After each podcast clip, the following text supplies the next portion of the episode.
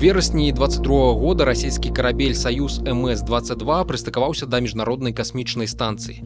На караблі на станцыю завіталі новыя чальцы экіпажу. Запуск прайшоў без асаблівых праблем. Палёт да мкс заняў усяго тры гадзіны. Карабель паспяхова прыстыкаваўся да порта грузавога модуля рассвет а 15 снежня непасрэдна перад выхадам часткі экіпажа ў адкрыты космас заўважылі бачную уцечку часціц з кармавога інструментальнага модуля карабля саюз.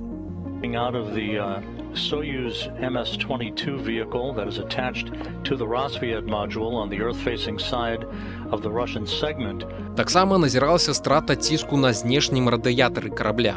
Касмічныя шпацыр скасавалі, з дапамогай рабатызаванай рукі і камеры на ёй агледзелі карабель і ў вонкавым радыятары на службовым модулю саюза знайшлі прабоіну дыяметрам 0,8 мм з якой у космас збягала астуджальная вадкасць. Верагодна дзірка з'явілася пасля ўдара мікраметэарыта ці арбітальнага смецця Зразумела, што на такім караблі вяртацца на зямлю было небяспечна. Вырашылі, што ў лютым на замену дзіравага карабля запусцяць аўтаматычную місію саюза. Было запланавана, што яе адправяць не пазней за 20 лютага, але старт адклалі, бо выявілі ўцечку астучальнай вадкасцю ўжо на борце грузавога судна прагрэс. Запуск замены адбыўся ў пятніцу мінулую пятніцу з касматрома байканур у нядзелю карабель прыстыкаваўся да станцыі як толькі з пашкоджанага карабля перанясуць сядзенні касманаўтаў на новы то стары саюз адстыкуецца і направіцца да зямлі вас можа зацікавіць а чаму на станцыю адправілі новы карабель без сядзенняў чаму трэба пераносіць іх з пашкоджанага справа ў тым што у кожнага чальца экіпажа сядзення індывідуальнае Яго вырабляюць пад параметры кожнага асобнага касманаўта. Корпус стандартызаваны, а вось падкладкі вырабляюцца пад кожнага свае з дапамогай гіпсавага злепку. Пасля зацвярдзення гіпсу атрыманую форму ашліфоўваюць, каб выдаліць вострыя краі. Яны могуць быць вельмі нязручнымі падчас палёту. На апошнюю прымерку касманаўт апранае скафандр сокал. Гіпсавая злепка выкарыстоўваецца ў якасці асновы для адліўкі алюмініевага каркаса, які потым пакрываецца мяккім эластычным матэрыялам. Каб зрабіць адно такое месца патрабуецца некалькі тыдняў. Падкладкай сядзення можа карыстацца толькі адзін касманаўт і калі ён падарожнічае на касмічную станцыю на адным караблі, а вяртаецца на зямлю на іншым, яму трэба будзе ўзяць сабой падкладку. Гэтая прылада неаднойчы ратавала жыццё касманаўтам пры вяртанні на зямлю. Так Барыс валынаў, апошні жывы на дадзены момант з першай групы савецкіх касманаўтаў і, як лічыцца першы габрэй у космосе, у 69 годзе перажыў жорсткую пасадку і зламаў сабе зубы, але выжыў, але гэта зусім іншая гісторыя. Вітаю спадарства. Гэта дзясяты выпуск падкаста тэхнавука. Ён ладне затрымаўся, але гэта тлумачыцца тым, што зараз большасць сваіх творчых высілкаў я прысвячаю youtube каналу і патрыону. Дарэчы, гэты ж выпуск значная частка пачуе праз падкаста прыёмнікі, а яшчэ некаторыя паглядзіць на Ютубе у відэафармаце. Так што заклікаю вас не толькі слухаць, але і глядзець. Усе спасылкі будуць у апісанні шукайце канал стоп-датнойс на Ютубе ды подписывайтеся. А гэты выпуск прысвечаны ацэнкам кавіднай хвалі ў Кітае неадназначным заявам пра лабараторнае паходжанне каранавіруса, выратавальную аперацыю да мкс, ацэнку меркаванага заробку SpaceX, зялёны вадарод ды чарговы ліст расчаравання ў гугле. Пачынаем. SpaceX у гэтым годзе падвоіць свой заробак. Ён дасягне 11 мільярдаў долараў. Прынамсі такі даход касмічнай кампаніі Ілана Маска прагназуе касмічны энтузіаст і блогер Мо Іслам. Увогуле прагназаваць даходы прыватнай кампаніі, якая моцна трымае свае сакрэты пад пахай, справа досыць няўдзячная, але ж цікавая. Мо ўжо рабіў свае прадказанні па заробку SpaceX па выніках мінулага году ацэнка чатыры з паловай мільярды долараў. Пры тым значная частка гэтага доходу поступае ад старлінка сістэмы спадарожнікавага інтэрнэту. Дакладна вядома што напрыканцы мінулага года колькасць карыстальнікаў гэтай сістэмы дасягнула аднаго мільёну. Гэта дазволіла згенераваць доход у памеры аднаго мільярда і 872 мільёнаў долараў. Гэта ўжо не дакладная лічба а прыкідка. Параўнайце з мяркуемым доходам ад запускаў 2 мільярды і 400 мільёнаў долараў. Не так ужо і далёка. Прытым запускі старлінкаў на ракетах фалкан у гэтым даходзе не ўлічваюцца. Гаворка толькі пра вонкавыя паслугі а не вывад уласных спадарожнікаў. Для асновы разлікаў узялі такія лічбы. Стандартны камерцыйны запуск фалкана 60 мільёнаў долараў. Для дзяржавы 100 мільёнаў. Адзіны запуск фалкан хэві 150 мільёнаў Дарэчы, вось на гэтых скрынах можете паглядзець і пачытаць дакладныя выкладкі. У наступным жа годзе, як чакае касмічны энтузіяст, даходы ад старлінка перавысіць даходы ад запускаў фалканаў. 5 мільярдаў 462 мільёны долараў супраць 5 мільярдаў 265 мільёнаў. Розніца невялікая, але перспектывы росту ў спадарожнікавага інтэрнэту куды больш дынамічныя. Блогер чакае, што SpaceX здзейсніць 87 запускаў за год, а колькасць подписчикаў у сервісах старлінка дасягне двух з паловы мільёнаў. То бок чакаецца, што за год кампанія зможа падключыць дадатковы мільён і 500 тысяч абанентаў. Гэта вельмі шмат такі прагноз абапіраецца на тое што кампанія зможа амаль што падвоіць вытворчасць тэрміналаў старлінг восенню мінулага года паведамлялася што кожны тыдзень выраблялася каля 20 тысяч тэрміналаў і менавіта гэта нібыта было вузкім бутэлічным рыльцам у падключэнні новых абанентаў Гвін Шотвелл нядаўна заявіла, што ў Старлінг у 22 годзе будзе станоўчы квартал грашовых потокаў. А ўжо ў 2023 годзе сістэма будзе зарабляць грошы. Гаворка пра фінансавыя гады, таму первы квартал ён прыпадае вось на гэты год. Чакаецца, што такія заявы робяцца ў тым ліку як падрыхтоўка да магчымага выхаду сістэмы на біржу. Ну і напрыканцы блогер мой іслам заўважае, што прагноз можа быць памылковым, але памылка хутчэй за ўсё будзе ў пазітыўны бок. То бок ён хутчэй недаацэньвае будучы фінансавы стан кампаній, чым пераацэньвае яго. Выхад на камерцыйныя палёты старшыпа запуск спадарожнікаў старлінг з другога пакалення могуць значна павялічыць прыбыткі кампаніі. Але апынуцца манапалістам спадарожнікавага інтэрнэту Starлінг не зможа. На гэты патэнцыйна звышпрыбыльны рынок ужо нацэліўся ад Джеф Безас і Амазон. На пачатку лютага міжнароднае бюро федэральнай камісіі сувязі узгадніла заяўку Амазона на разгортванне і эксплуатацыю трох тысяч спадарожнікаў на нізкай калязямной арбіце. Для шырокапалоснага абслугоўвання з выкарыстаннем радыёчастот кадыяпазону першапачаткова згоду далі яшчэ ў двадцатым годзе але для канчатковага рашэння спатрэбіўся час каб задаволіць патрабаванні па зніжэнню ўзроўню арбітальнага смецця рызыцы сутыкнення і каардынацыі з іншымі спадарожнікавымі сістэмамі і належнай сістэмы утылізацыі спадарожнікаў. SpaceX ставіла ім палкі ў калёсы заклікаючы абмежаваць колькасць спадарожнікаў усяго 578 у штукамі. Але задушыць канкурэнта не здолелі. Па выніку ў бліжэйшыя 5 гадоў адбудзецца 83 запускі, якія выведуць на арбіту больш за 3 тысячи спадарожнікаў Амазона. Там становіцца сапраўды цесна невялічкі перапынак для відэаверсій. Хачу тут яшчэ раз выказаць падзяку патронам на патрыоне дзякуючы гэтым людзям я працягваю цялёпацца ды нешта рабіць. Такія доўгія выпускі хутчэй за ўсё больш записываць не буду бо гэта страшэнны аб'ём працы. Буду намагацца рабіць карацей але часцей У той час як вадарод бескаляровы прамысловасць часам выкарыстоўвае колеры, каб апісаць які з мноства магчымых працэсаў быў выкарыстаны для вырабу канкрэтнай партыі вадароду. Ёсць шэры, ёсць зялёны і блакітны вадарод, а таксама больш яркія, такія як ружовы і нават залаты, амаль цэлая вясёлка. Большая частка попыту на вадарод на сёння гэта перапрацоўка нафты, вытворчасць, аміяку для угнаенняў і метанолу для хімічнай вытворчасці. Але вадарод часта абвяшчаюць кліматычным героем, таму што калі ён выкарыстоўваецца ў якасці паліва ў такіх рэчах як аўтобусы або вытворчасць сталі, няма прамых выкідаў вугляроду або звязанага з ім пацяплення, пра якія трэба турбавацца паколькі свет спрабуе скараціць выкарыстанне выкапнёвага паліва можа з'явіцца вялікі попыт на гэтую безвугляродную крыніцу энергіі. Тая самая вясёлка патрэбна для апісання спосабу вытворчасці вадароду таго наколькі ён карысны для клімата. Праблема ў тым што для вытворчасці вадароду сёння ў пераважнай большасці патрабуецца выкапнёвае паліва. Звычайна гаворка ідзе пра прыродны газ. Пры вытворчасці так званага шэрага вадароду прыродны газ рэагуе з вадой утвараючы вадарод і вылучаючы вуглярод. Калі на такой вытворчасці паспрабаваць захапіць выкіды вугляроду то атрыманы вадарод назавуць блакітным.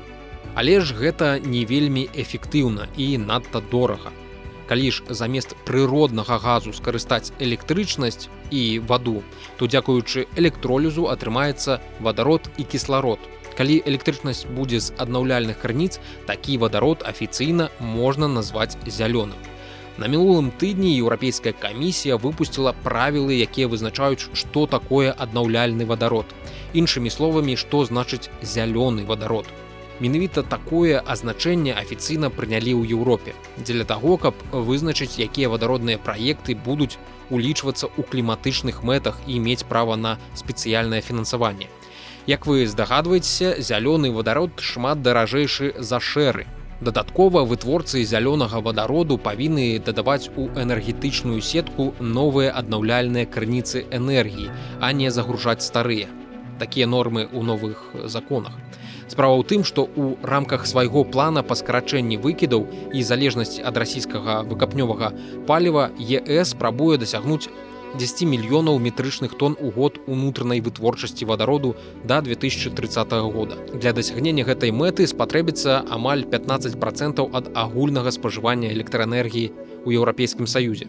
Такімі патрабаваннямі да зялёнага вадароду рэгулятары спрабуюць пазбегнуць сцэнарыя, калі вытворчасць вадароду проста забірае ўсе існуючыя магутнасці аднаўляльных крыніц энергіі. Такая адназначнасць у колеравай фармулёўцы добры падыход, бо памятаю дзіўныя навіны пра шведаў, што пачалі адгружаць зялёную сталь, вырабленую з дапамогай вадароду. Тады як колер самога вадароду быў даволі сумнеўным.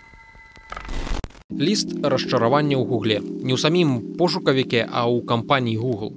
З'едлівая публікацыя ў блогу заснавальніка сервіса які ў свой час google купіў дзе ён папрацаваў і нядаўна звольніўся мне падалася цікавай. Правін сешадры так зваць стваральніка абшыт платформы распрацоўкі без кода якую ён запусціў у 2014 годзе. Пасля некалькіх гадоў распрацоўкі кампанія сешадры была набыта google cloud у двадцатым годзе і сешадры правёў наступныя тры гады ператвараючы праграму у google у сешадры пакінуў Google у той момант, калі скончыўся яго трохгадовы перыяд абавязковага утрымання. Сказаўшы такое: Я пакінуў Google, зразумеўшы, як калісьці вялікая кампанія паступова перастала функцыянаваць. На медыум ён размясціў даволі вялікі артыкул, дзе падрабязна апісаў праблемы, якія ён пабачыў падчас працы ў кампаніі. Калі коротко, то кажа, што Google трапіў у лабірынт узгадненняў, працэсаў запуску юрыдычных аглядаў, аглядаў эфектыўнасці, аглядаў кіраўніцтва і іншых бюрократычных працэсах. І хоць супрацоўнікі там сапраўды здольныя, але яны вельмі мала робяць квартал за кварталам, год за годам. На мой погляд, Google мае чатыры асноўныя культурныя праблемы. Усе яны з'яўляюцца натуральным вынікам наяўнасці машыны для друкавання грошай пад назвай рэклама якая з кожным годам няўмольна расце хаваючы усе іншыя грахі. Адсутнасць місіі, адсутнасць пільнасці, ілюзія выключнасці і безгаспадарчасць. Раней сешадры працаваў у Microsoft з 99 по 2011 год. Таму па яго словах гэта не першы досвед назірання за паступовым распадам дамінуючай імперыі. Хаця Microsoft нікуды не распалася. Сёння сешадры кажа, што вельмі нешматлікія супрацоўнікі Google прыходзяць на працу, думаючы, што яны абслугоўваюць кліента або карыстальніка. Засяроджваючыся замест гэтага на закрытым свеце, дзе амаль усе працуюць толькі на іншых супрацоўнікаў Google. Па словах сешадры у гугле зніжэнне рызык пераўзыходзіць усё астатняе, то бок ён паўтарыў тое, што пару год таму пісаў пра Google New York Times. Генеральны дырэктар Сундар Пчай стварыў у кампаніі паралізуючую бюракратыю. Гэта цікавыя назіранні, якія як у люстэрку адбіваюць меркаванне былога генеральнага дырэктара Вейс на Ама бардзіна ці бардзіна, які пакінуў Google у 21 годзе. Тады ён заявіў, што там прадукт з'яўляецца інструментам для кар'ернага росту супрацоўнікаў, а не запал, місія або эканамічная бомба з'яўляюцца ідэяй праекту. Прасоўванне па службе больш уплывае на эканамічны поспех чалавека, чым рост яго прадукта. Рашэнне аб тым, над якім прадуктам працаваць вынікае з шансаў на павышэнне.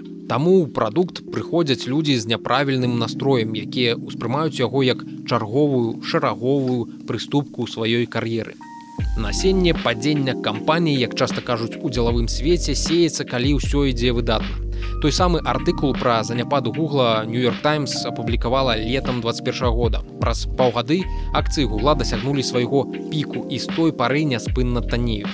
Кампанія адчувае, як зыбаецца глеба пад глінянымі нагамі і масавыя звальненні панічны анонс свайго штучнага інтэлекту пасля гучнай прэзентацыі майкрасофтаўскага бінга гэта добра адлюстроўваюць апошнія гады Google не спяшаўся рабіць ключавыя крокі ў бізнесе перажоўваючы рашэнні марудзячы час. І ўсё адное выпускаючы прадукты без доўгатэрміновага бачання. Стадыя гэта просто была нейкая ганьба калі вы памятаеце такі гульнявы сервис здаецца бліжэйшым часам Google давядзецца адкарэктаваць свае паводзіны і падыходы да каманды і прадуктаў. Ці атрымаецца будзем назіраць Наколькі смяротнай была хваля кавіду ў Кіаі пасля таго, як напрыканцы мінулага года там адмовіліся ад палітыкі нулявой цярпімасці да каранавіруса. З той пары прайшло два месяцы. Неяк я ў сваім твиттер-аккаунце ўжо заўважаў даволі шакуючыя лічбы. Між 15 снежня і 4 студзеня памерлі 20 чальцоў кітайскай інжынернай акадэміі. Пра гэта распавялі на сайце самой акадэміі прытым што апошнія 5 гадоў у сярэднім штогод паміралі 16 чальцоў сярод тых хто нядаўна памёр галоўны інжынер кітайскай праграмы хуткіх ядзерных рэактараў распрацоўшчык першага ў кітаі оптавалакна заснавальнік рэдказямельнай прамысловасці. Вядучы нацыянальны лаўрэат прэміі за ўнёсак у лазерную зброю. Гэта далёка не поўны спіс Па афіцыйных данных за ўвесь час пандэміі ад кавіду ў краіне памерлі каля 83 тысяч чалавек. Але пасля таго, як у снежні Кітай змякчыў самыя жорсткія ў свеце абмежаванні вірус выбухнуў. Намёкі на ўсплёск былі паўсюль. Бальніцы адмаўляліся ад пацыентаў. Загінула хваля найвышэйшых вучоных. Менавіта таму даследчыкі мяркуюць, што афіцыйная колькасць загінулых значна меншая, чым ёсць насамрэч. Збольшага таму, што яна ўключае толькі заражаных людзей, якія памерлі ў бальніцах за выключэннем тых, хто памёр дома. У Кіаі даволі вузкае вызначэнне таго, што лічыцца смерцю ад кавіда і звязанае яно ў першую чаргу з смерцямі ад дыхальнай недастатковасці. Дакладны ўлік зрабіць немагчыма, але чатыры асобныя акадэмічныя групы далі свае ацэнкі смяротнай хвалі кавіду ад мільёна да паўтара мільёна загінулых. Зразумела, што без надзейных даных не зрабіць і дакладных высноваў, а гэтыя ацэнкі ёсць абгрунтаванымі здагадкамі. Даследчыкі выкарыстоўвалі розныя падыходы, каб ацаніць, колькі людзей маглі быць заражаныя. І вырашальнае пытанне, наколькі эфектыўныя хатнія вакцыны Китая былі ў прадухіленні смерці. Некаторыя абапіраліся на тое, як паводзіў сябе вірус падчас мінулых выбліскаў у Гонконгу і Шанхаі, дзе даныя былі больш надзейнымі, а некаторыя выкарыстоўвалі падрабязныя камп'ютарныя мадэлі для мадэлявання эпідэміі ў Кітаі. Па шанхайскай мадэлі нагадаю, што ў горадзе тады шумеў амікрон варыянт віруса. Ацэнка смерцяў дасягнула амаль двух з паловай мільёнаў пры ўмове нізкай эфектыўнасці кітайскіх вакцын і 600 тысяч пры высокай эфектыўнасці. Ацэнка праводзілася для вясенне-летняга перыяду, але ад абмежавання ў Кітай адмовіўся ўзімку, што стала дадатковым цяжарам і фактарам паскарэння распаўсюду інфекцыі.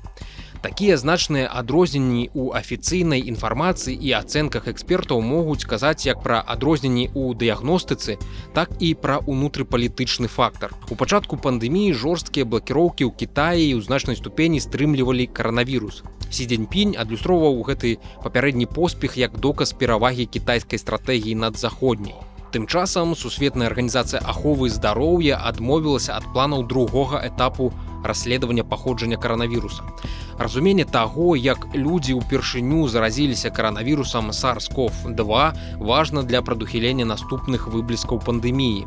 Але без доступу Кітай СААЗ мала што можа зрабіць. У студзені 21 года міжнародная група экспертаў, якую склікала сусветная арганізацыя аховы здароўя, адправілася ва Ухань, дзе ўпершыню быў выяўлены вірус, які і выклікае COVID-19. Разам з кітайскімі даследчыкамі каманда прагледзела доказы таго, калі і як мог з'явіцца вірус.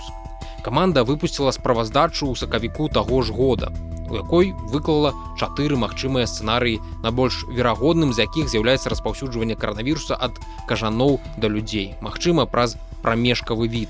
Першая фаза была распрацавана такім чынам каб закласці аснову для другой фазы больш глыбокіх даследаванняў каб дакладна вызначыць што адбылося ў Кіаі і ў іншых месцах Але прайшло два гады, а другая фаза даследавання нават не распачалася. Падчас яе хацелі правесці ацэнку рынкаў дзікіх жывёл ва ўхані і яго ваколіцах і фермаў, якія пастаўлялі на рынкі сваю прадукцыю.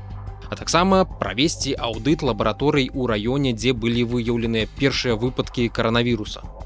Але кітайскія чыноўнікі адхілілі такія планы СААС. Прэс-сакратар міністэрства замежных спраў Китая заявіў, што прапанова сусветнай арганізацыі аховы здароўя не была ўзгоднена. І што другі этап не павінен засяроджвацца на шляхах якія ў справаздачы місіі ўжо лічыліся вельмі малаверагоднымі. Па выніках першай фазы даследавання са заявілі што лічыць лабараторнае паходжанне віруса малаверагодным. Гэтая навіна для мяне выявілася ў два разы больш цікавай з нагоды таго што дэпартамент энергетыкі ЗША з нізкай упэўненасцю падкрэслю менавіта такая фармулёўка з нізкай упэўненасцю у закрытым дакуменце прыйшоў да высновы што пандэмія каранавірусаў Китаі распачалася праз уцечку з лабараторыі гэткай жа пазіцыі прытрымліваецца федэральнае бюро расследаванняў.